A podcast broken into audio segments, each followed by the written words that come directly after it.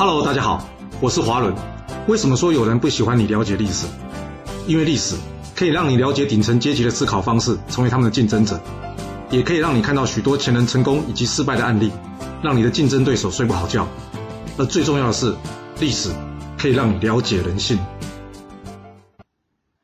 我们刚刚在战国第四十八节故事中讲到，这一代名将白起啊，最后被这秦昭襄王给杀了。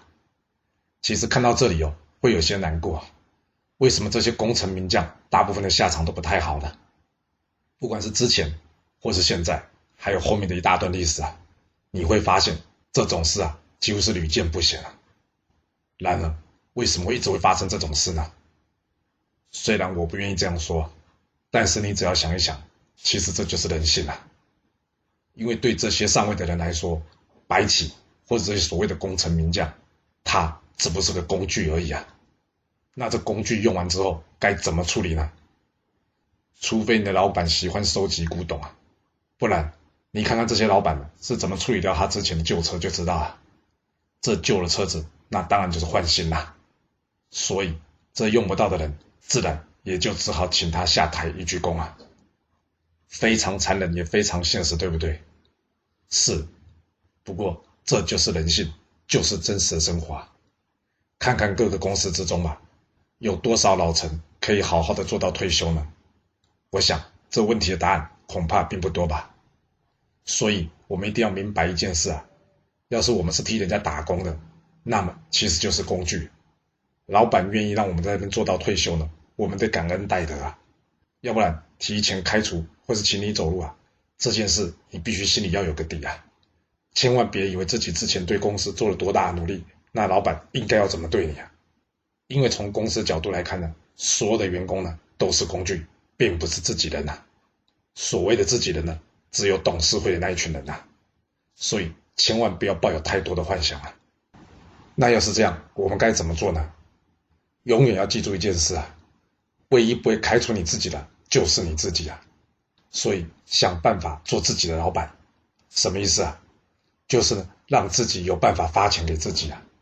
这就是之前为什么我一直强调被动收入的重要。当你有办法发钱给自己，你就是自己的老板，那还有谁可以开除你啊？虽然这么说好像有点唱高调，以现在目前大多数人收入来说，想要从被动收入满足自己的生活，恐怕有一段距离，或是非常的辛苦啊。但是一定要有目标啊，要不然人的一生都会生活在非常没有安定感之中，这样子压力也会大了许多。这规划或是准备为自己增加被动收入啊。一开始其实并不容易啊，但是慢慢的还是会看到一些成效的。我希望大家有空了可以去看看一些财经相关的书籍或者视频啊，以增加自己这一方面知识啊，好让自己的人生有多一些选择权啊。我在录这节的时候，其实刚刚遭遇了一些打击啊，心情呢难免会沉重了许多。但是就像之前说的，生活还是要过，路还是要走。那还好之前有做一些准备，所以现在呢还不至于影响太大。我一直选择将我的人生往前看呢，因为过去的东西就是历史，就像我在故事中说的，它不可能再重来了。千万别一直在历史的悔恨之中度过自己的一生啊！要想的是怎么看到未来，找到方向，让自己的历史也活得开心，活得精彩。您说是吧？